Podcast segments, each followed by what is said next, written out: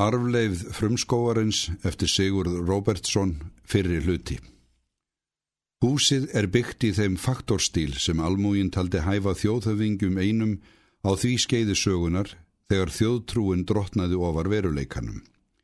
Risátt með útskornum uppsum og vindskeiðum, smáum rúðum í gluggum og rendum pílárum um hverfi styrapall og tröppur. Rík heldur það í fornan virðuleik í trási við önnur hús götunar sem eru yngrað árum og státað því að totla skári í tískunni.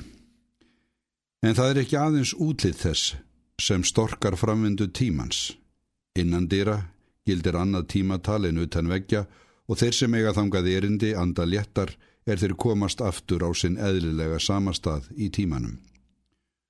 Húsið er vel við vöxt fyrir tvær manneskjur en þrátt fyrir það þarf nokkra umgengnis leikni til að ganga þar um garda Því þung og viðamikil húsgogn sem einu sinna hafa verið fín taka ríflegan skerf á gólplássi og öll eru þau í þeim hjólbeinóta fornaldarstíl sem eitt sinn þótti órækur vittnisspurður um þroskaðan smekk og góðan efnahag.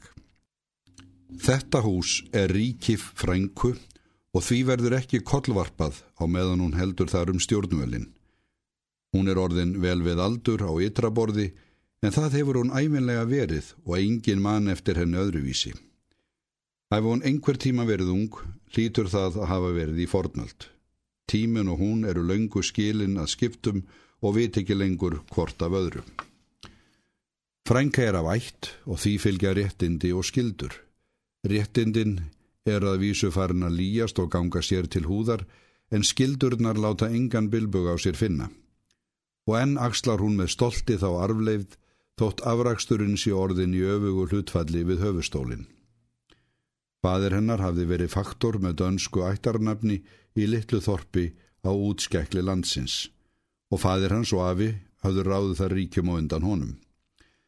Trátt fyrir útúrboruna hafði ættinni vegna þar vel lengi framann af, átt plássið með kviku og dauðu, verið í senn guðleg og tímanleg forsjón þess og náðarsól forlagana hafði nær einvörðungu skínið þar á réttláta því þeir sem voru af öðru sögðahúsi þrifust þar ítla og kusu fremur þann kostin að lepja dauðan úr krákuskjel í öðrum plássum þar sem forsjónin var ekki út af eins sítingsum varðandi mannlega vankanta.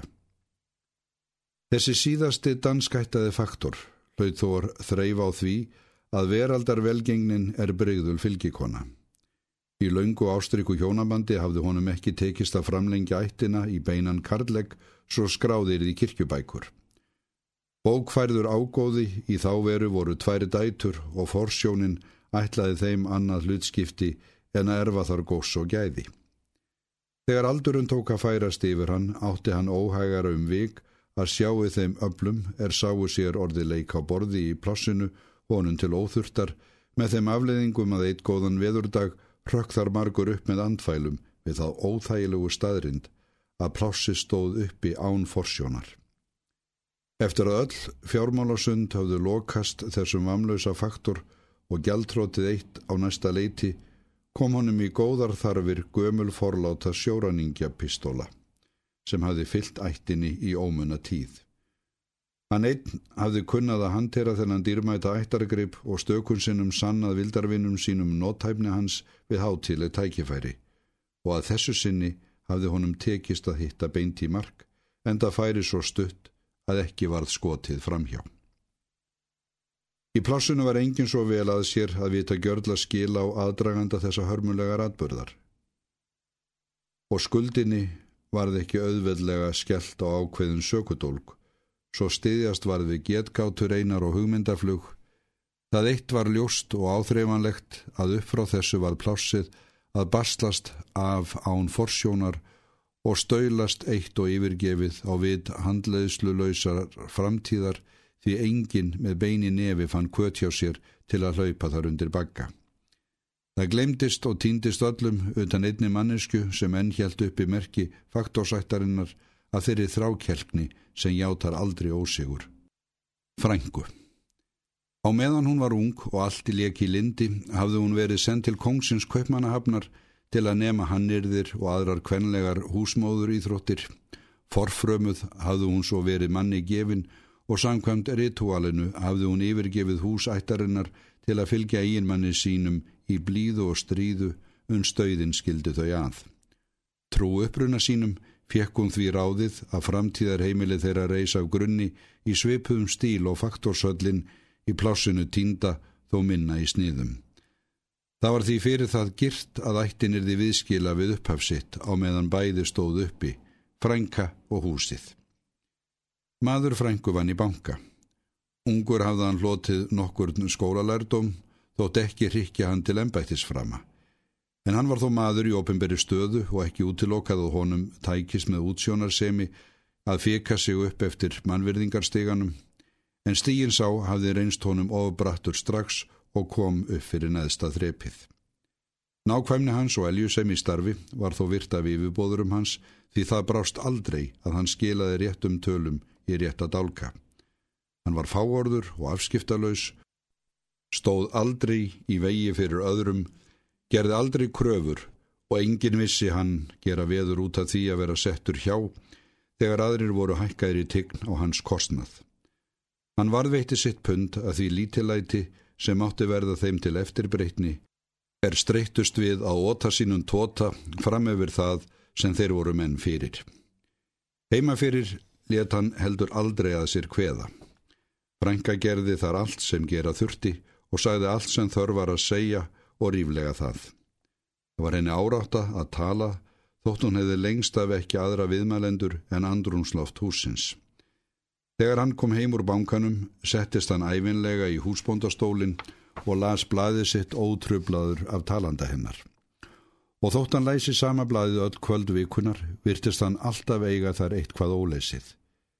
Eftir kvöldmatinn dró hann sig svo í hlje en í kontórin en svo vistar vera var hans enga heimur í þessu húsi. Þar átti hann dálítið að bókum í skáp með glerhörð fyrir en þær höfðu ekki verið lesnar í ómunna tíð. Þarna satt hann með bókaldsplögg fyrir framann sig uns hann fór í háttin. Þegar þessi heimavinna hans hófst fyrir alvöru gaf hann frængu þá skýringu að hann hliti að hafa þennan hátt á til að koma verkefnum dagsins í ló svo ekki stæði upp á hann með bókald bankans. Frænka let þetta gott heita. Vissu auk þess mýmörgu dæmi að kvöldin eru háskaleg fyrir eigimenn sem hafa lítið fyrir stafni heimafyrir á þeim tíma sólarhingsins. Og það var aldrei lát á þessari eftirvinnu frekar en talandanum í frængu sem smög inn til hans á milli stafs og hurðar eins og draksúur.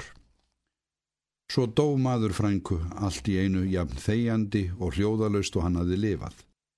Það var aldrei sannað að hann hefði dáið úr neinum sérstökum sjúdómi og tilgáta gárungana í þá veru að hann hefði bara dáið af því að vera giftur frængu var of ílkvittnisleg til að hljóta almenna viðurkenningu.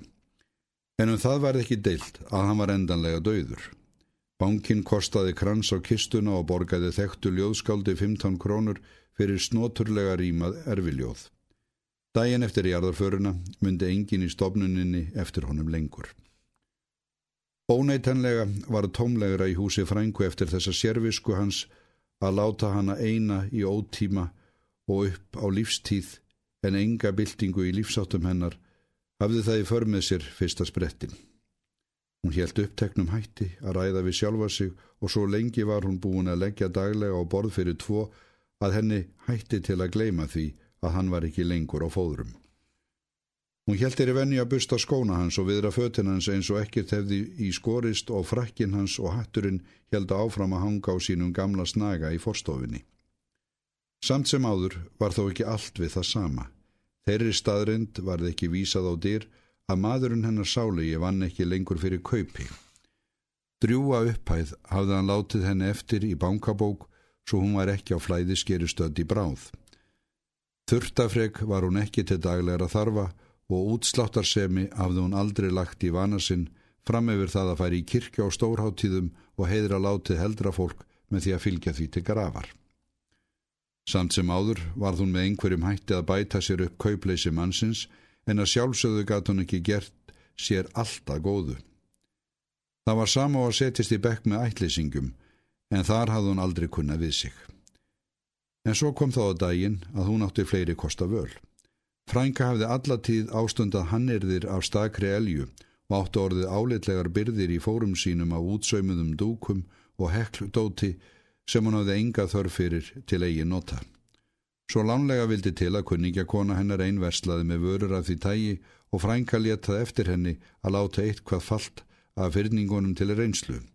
Kom fljótt á daginn að þar áttu hún vísa tekjulind á meðan hún gæti valdið heklunál og rýndi í útsaum. Einmannaleikin hafði aldrei ásótt frængu á meðan maðurinn hennar átt að heita lifandi veruleik í húsinu. En hann lætur ekki að sér hæða og þótt hún teldi sér trúum að hún væri sjálfur sér nóg rak fljótlega að því að hann hreyðraði þars um sig. Hafði sér ekki mikið í frammi en satum hann að lúmskur og ísmegin og jæfnvel þögn hans gatt stundum orðu óþægilega hávær. Þegar hún gatt ekki lengur neyta tilvist hans let hún sér stundum detta í hug ímiskonar fráleita og líklega möguleika til að skáka honum en fastir þeirra reyndust líklegir til vinnings þegar þeir hafðu verið metnir og vegnir. Helst hallaðist hún að því að fá sér kvolp eða kettling til að sína honum í tvo heimana, en áttu hún að fá sér kvolp eða áttu hún að fá sér kettling. Svo örlegaríka ákvörðun var það íhuga góðum gefilega því hér vald á miklu að leggja rétt lóð í rétta vogaskál. Það gætt sorfi svo að henni að hún rjáttlaði erðarlausum stofur og eldhús og átti bátt með að taka sér fast verk í hönd. Úr gildum ramma uppi á vegg horði maðurinn hennar sáligi, sifjulegu og hlutlausu augnaráði á þessar eigðumerku göngur hennar. Hún gætt stundum orðið honum dálítið gröm fyrir að hlaupa úr hjónabandsvistinni alveg fyrirvara og tilefnis löst, þóttan hefði æfinlega verið dauðans dáðleysingi í lífinu. Nei, Frá honum var engrar vitrunar að vænta því útiloka var að hann síndi meiri rögg af sér döður.